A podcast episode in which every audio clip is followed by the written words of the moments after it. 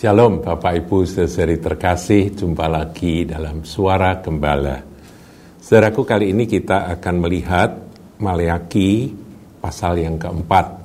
Ya kita tahu bahwa Maleaki adalah kitab terakhir di perjanjian lama di dalam uh, kanon kita ya beda dengan kanon yang dimiliki oleh oleh orang-orang Yahudi uh, kitab terakhirnya mereka dua tawarikh saudaraku. Tapi kalau kita itu Maleaki.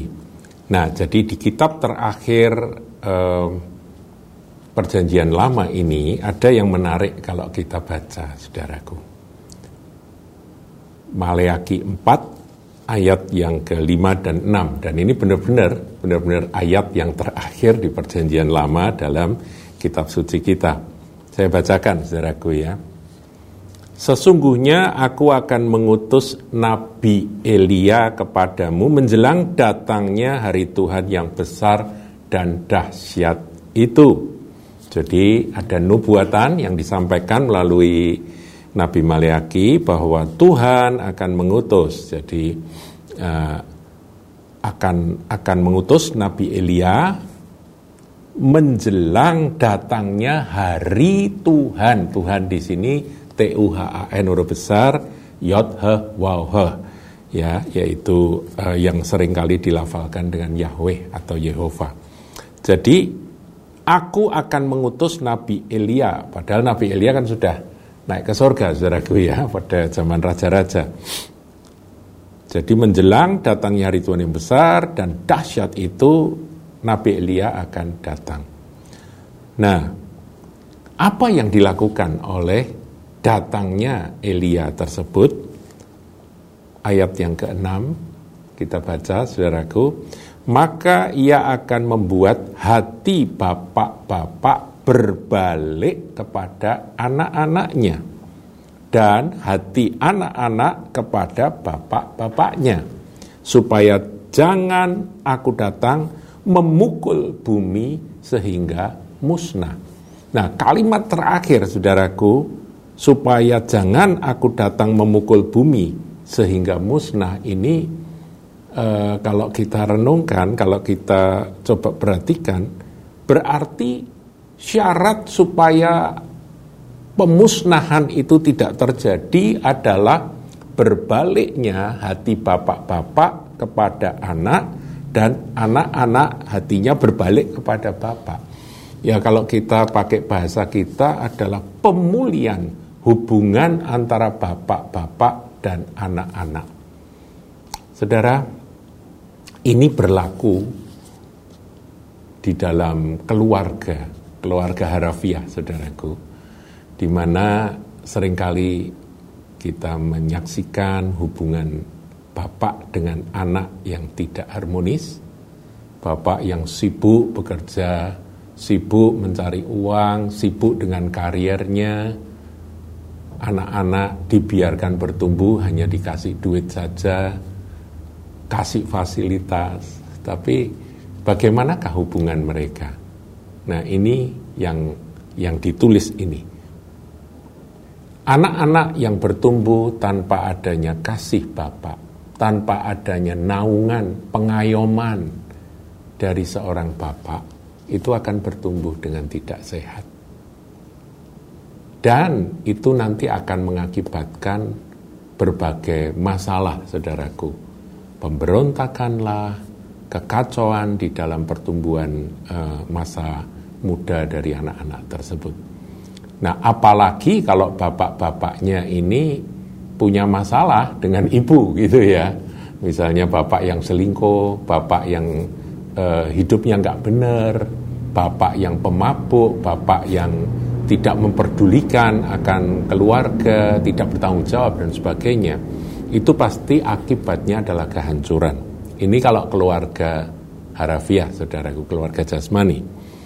Nah, roh Elia yang datang dan nanti digenapi dengan hadirnya Yohanes Pembaptis, nanti kita akan lihat saudaraku, itu punya tujuan pertobatan pertama-tama pada bapak-bapak. Bapak harus tahu tanggung jawabnya bahwa dia harus mengasihi, melindungi, membimbing, dan mengayomi anak-anak.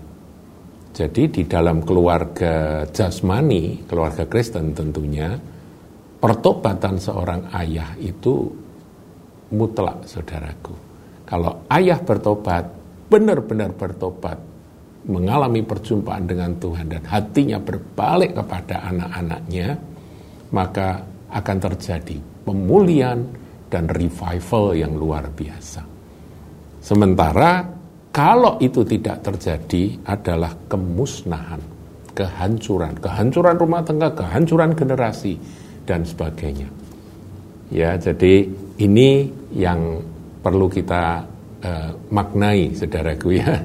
Jadi kita memaknainya, memahaminya dengan pengertian seperti itu. Nah, saudara, kalau bapak-bapak kembali hatinya kepada anak-anak, maka anak-anak pun pasti akan kembali pada bapak.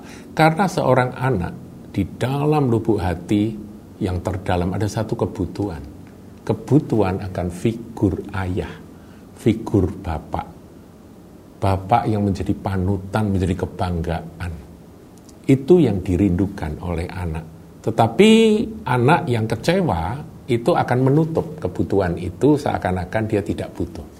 Dan itu yang terjadi sehingga dia mengisi kekosongan dari kebutuhan batinnya itu dengan pergaulan yang salah. Dia bergaul dengan teman-teman yang keliru, dia melakukan perbuatan-perbuatan negatif di masa remajanya. Saudaraku, Mari, kalau Anda adalah seorang ayah, seorang bapak, berbaliklah kepada anak-anakmu. Seorang bapak yang berani datang kepada anaknya dan berbicara hati ke hati dengan anak-anaknya. Kalau perlu meminta maaf kepada anak-anak kalau dia berbuat keliru, berbuat salah. Ini yang namanya pemulihan hati bapak nanti anak-anak akan kembali berpaut kepada ayahnya. Saudara, secara rohani di dalam gereja Tuhan dibutuhkan akan adanya roh hati Bapa ini.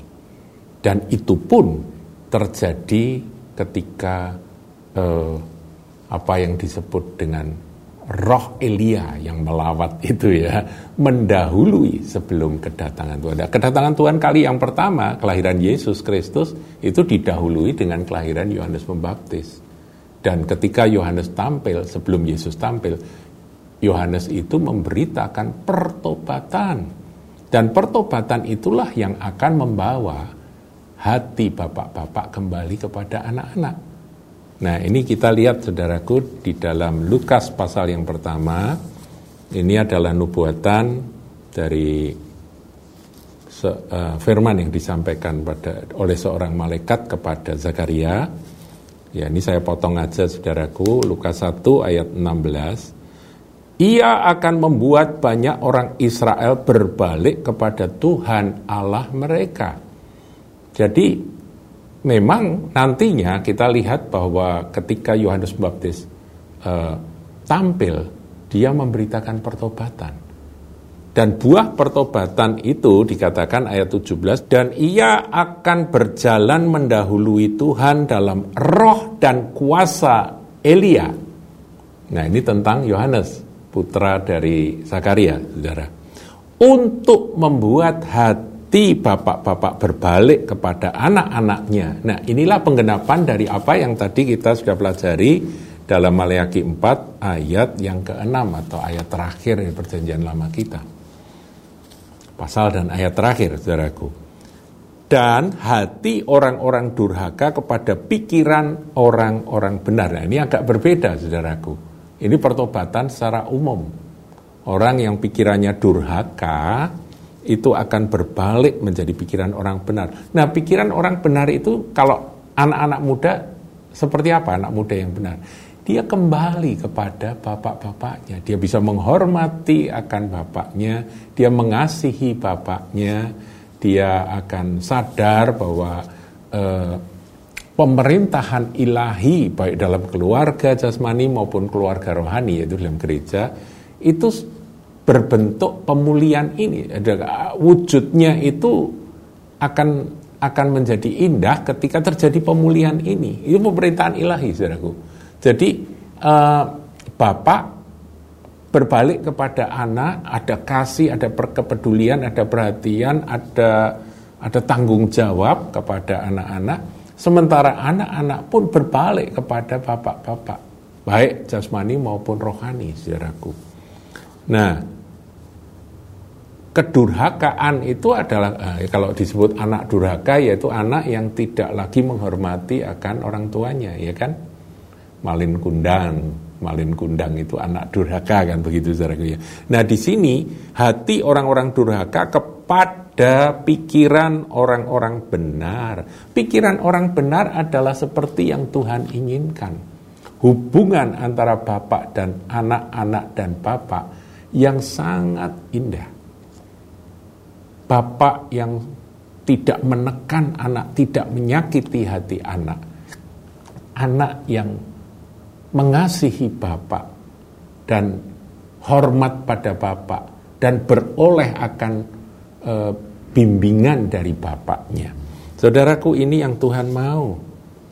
Dan dengan demikian, nah ini kalimat terakhir dari ayat 17, saudara perhatikan, menyiapkan bagi Tuhan suatu umat yang layak baginya.